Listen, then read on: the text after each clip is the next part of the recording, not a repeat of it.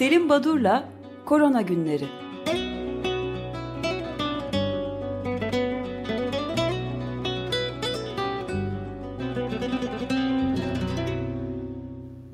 Merhabalar Selim Badur, günaydın. Günaydın, merhabalar. Günaydın. Günaydın Özdeş. Bugün e, Cuma günü haftanın son programı. E, aynı zamanda önce sağlık programı olacak e, her zamanki gibi saat 13'te 94.9 Açık Radyo'da. Ve bugün konuğumuz önce sağlık programında e, Profesör Doktor Pınar Sayıp'ı ağırlayacağız. İstanbul Tabip Odası Başkanı hem e, pandemi sürecinde tabip odalarının oynadığı rolü, e, onların yaklaşımını öğreneceğiz. Hem de e, Ağustos ayı içinde İstanbul Tabip Odası e, seçimleri olacak.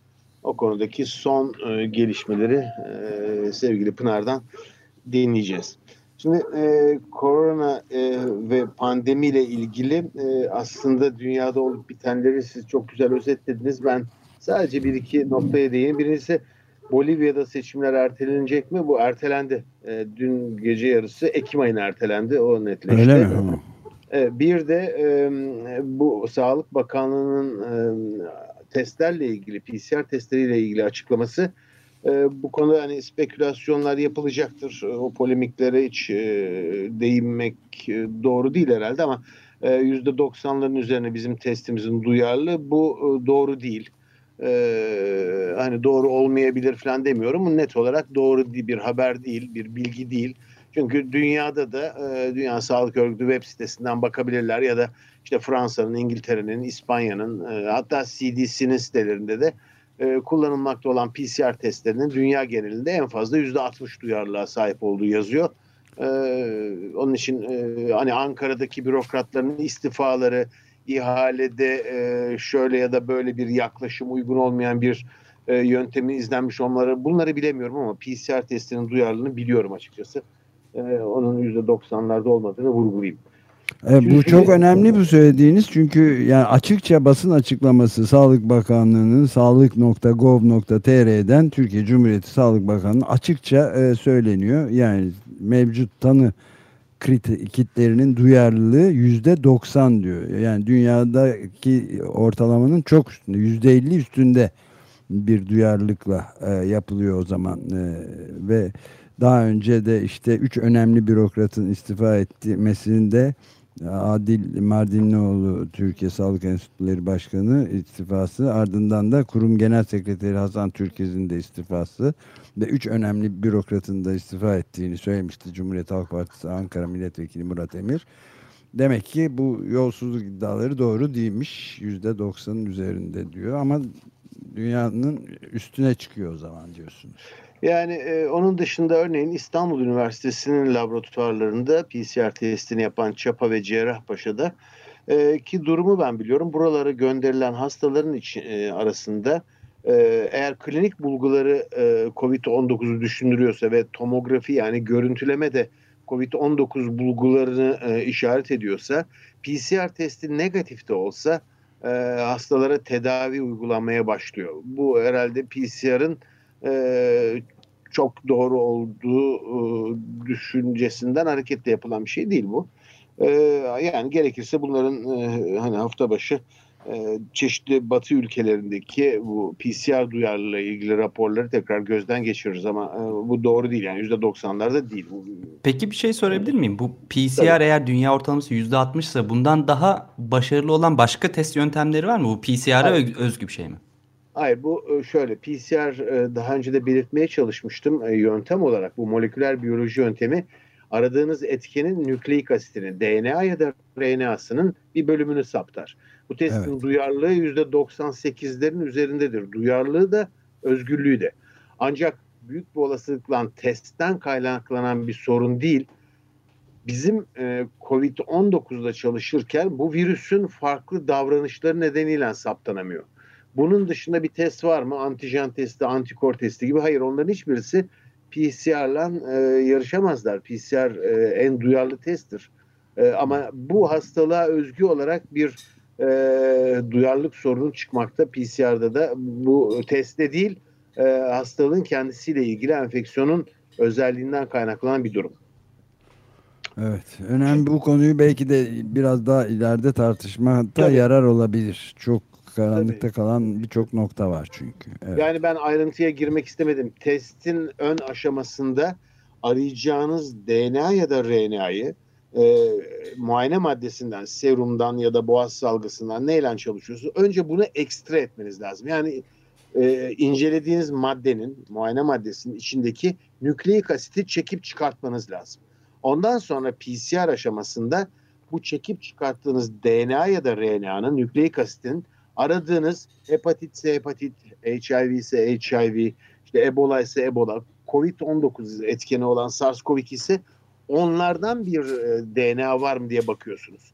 Bizdeki testlerdeki sorun bu ekstraksiyon aşamasında ortaya çıkmaktaydı. Yani e, bu e, virüsün her zaman bulunmaması, bir ondülasyonla saçılıp saçılmaması, dönem dönem dışarıya çıkıp dönem dönem e, ortadan kaybolması gibi özelliği bu ekstraksiyon aşamasından itibaren yani işin başından itibaren test duyarlılığını etkili, etkiliyor. Dediğiniz gibi eğer gerekirse önümüzdeki günlerde bu konuya e, bakarız. Evet.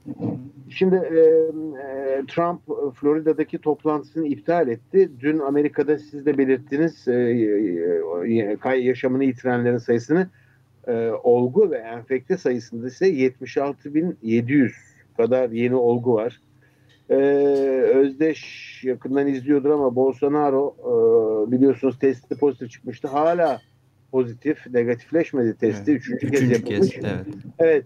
Ama dün fotoğrafı vardı. Motoruyla geziyor şehirde. Çok sıkıldım demiş. Ve temizlik işçilerini görmüş işte görevlerini yapmakta olan işçiler. Onların yanına gidiyor konuşuyor ama maske falan takmıyor. Hiçbir şekilde kullanmıyor. Böyle bir fotoğraf var yani. insanlar. Kendisine daha önce de dava açmışlardı. Bu yine Covid-19 evet. pozitif çıktığında maskesini çıkarıp işte muhabirlerle e, röportaj vermişti. Muhabirler evet. de tabii dava açtılar. Ee, Amerika Birleşik Devletleri'nde artış bu e, işsiz oranlarında artış durmuş gibiydi. Ama kontamine insan sayısındaki artışla birlikte işsiz sayısı yeniden tırmanışa geçti. 31 milyondan kişi şu anda yardım almakta. Ve e, Güney Afrika, sizin de belirttiğiniz gibi Güney Afrika'da e, yaklaşık e, 13 bin e, sağlık çalışanı enfekte, 13 binden fazla. E, e, aslında Covid'den ölüm oranları Afrika'da ve özellikle Güney Afrika'da yüzde bir buçuk kadar deniyor ama e, farklı bir yaklaşımla, bunu Türkiye'de de yapmışlardı çeşitli epidemiyologlar, geçen yılın bu döneminle bu yılı kıyasladıklarında doğal ölümlerde çok ciddi yüzde altmışlık bir artış var. Yani geçen sene şu ya da bu nedenle ölenlerin hepsini topladığınızda belirli bir sayı eriyorsunuz. Erişiyorsunuz. Bu sene e, yüzde altmışlık bir artış var. Bu çok büyük bir sayı. Dehşet verici bir şey değil mi?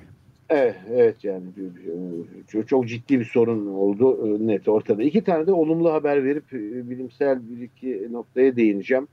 Bir tanesi e, kısıtlamalar, bütün bu sokağa çıkmalar, işe gitmemeler, e, evden dışarıya çıkmamalar sırasında dünya genelinde prematüre doğumlarda yüzde 90 azalma olmuş. Çok önemli bir e, bilgi. İrlanda ekibinin yaptığı bir çalışma bu.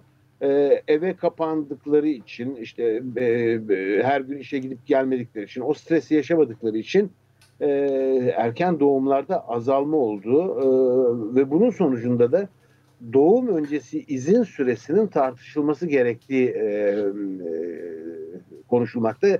Kısacası e, pandeminin böyle bir maternite izinleri konusunda bir e, olumlu bir gelişmeye belki yol açabilir diye e, iyi bir haber vermiş olalım. Bir de evet evden, çok ilginç. E, evden eğitimin ilk etkilerini ölçmek için Fransa'da e, 7 anket yapıldı. 100 bin kişiyi e, aşan bir e, anket. Oldukça geniş kapsamlı bir anket. Aileler, e, öğrenciler ve öğretmenler arasında.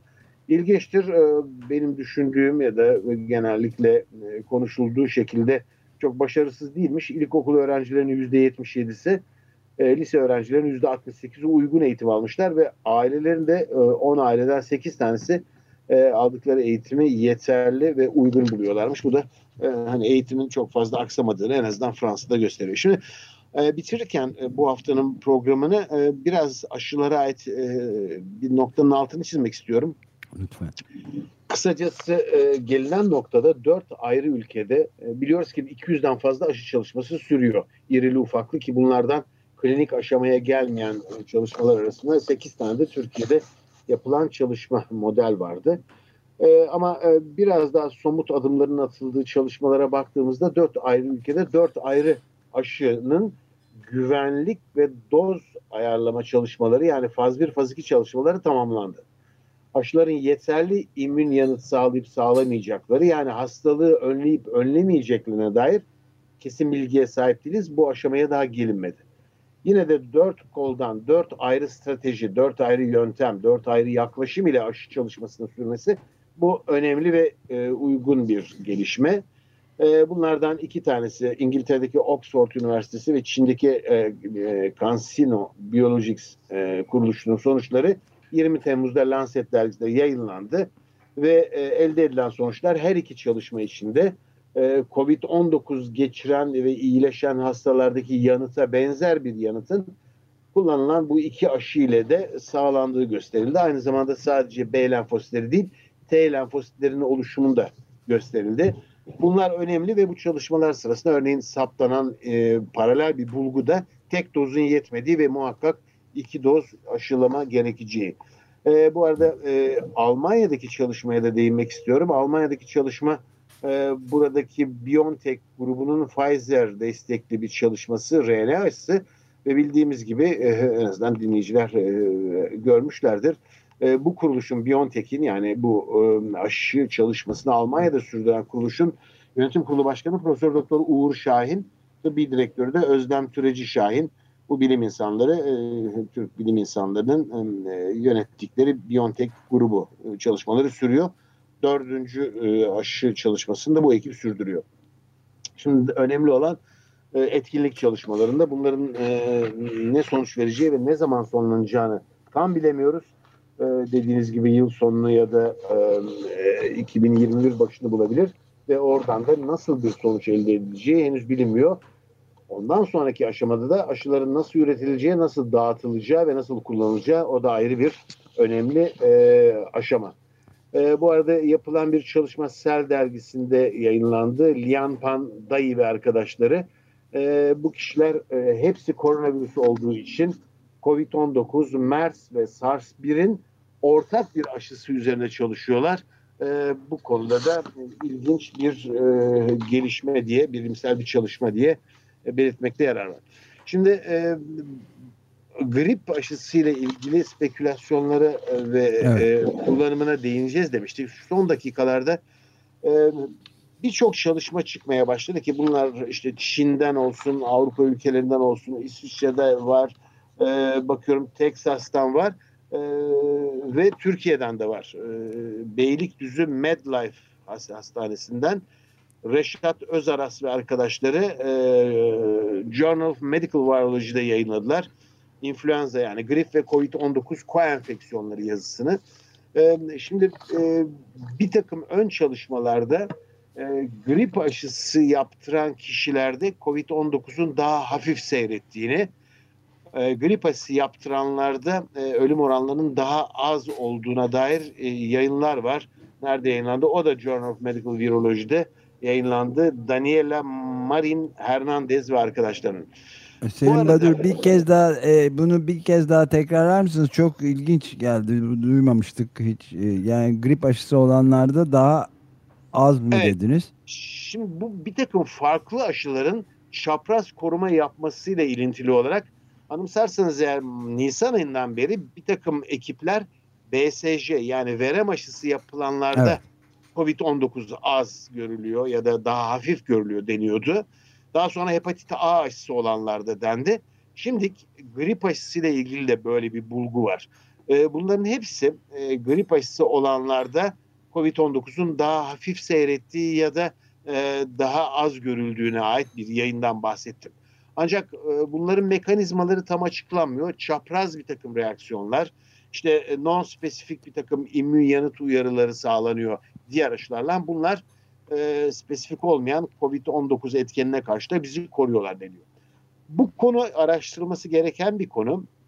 Böyle bir takım bilimsel bulgular var. Ama daha da önemlisi Kuzey Yarımküre ülkeleri için Eylül-Ekim aylarına doğru yaklaşıyoruz. Grip mevsimi başlıyor. Grip mevsimi başlayınca da hastaneler, sağlık kurumlarına hem grip hem covid hastaları gidecekler. pardon. Şimdi bunun bir sakıncası var. E, sakıncası değil, zorluğu var. Bir, bu iki patolojiye ayıracak tanıya gerek var. Çünkü gripin ilk 24 saat 48 saatte kullanacak antiviralleri var. Grip aşısı var. Farklı seyrediyor grip. O nedenle o ayrımı yapmak için tanı testlerine ihtiyaç var. İkincisi e, sağlık kurumlarının yükünü hafifletmek için en azından grip e, hastalarının sayısını azaltmak amacıyla grip aşısının yaygın kullanımı söz konusu. Birçok ülke bu konuda hem grip tanısını yapacak testleri hem de grip aşısını e, eski yıllar oranla çok daha e, ağırlıklı olarak gündemlerine getiriyorlar. Ama bizim ülkemizde bunun yapılıp yapılmadığı konusunda henüz bir bilgi alınmadı. Türk Tabipler Birliği'nin açıklamasında bu konuya dikkat çekildi. Ancak e, biliyoruz ki ülkemizde grip aşısı çok spekülasyona açık bir konu.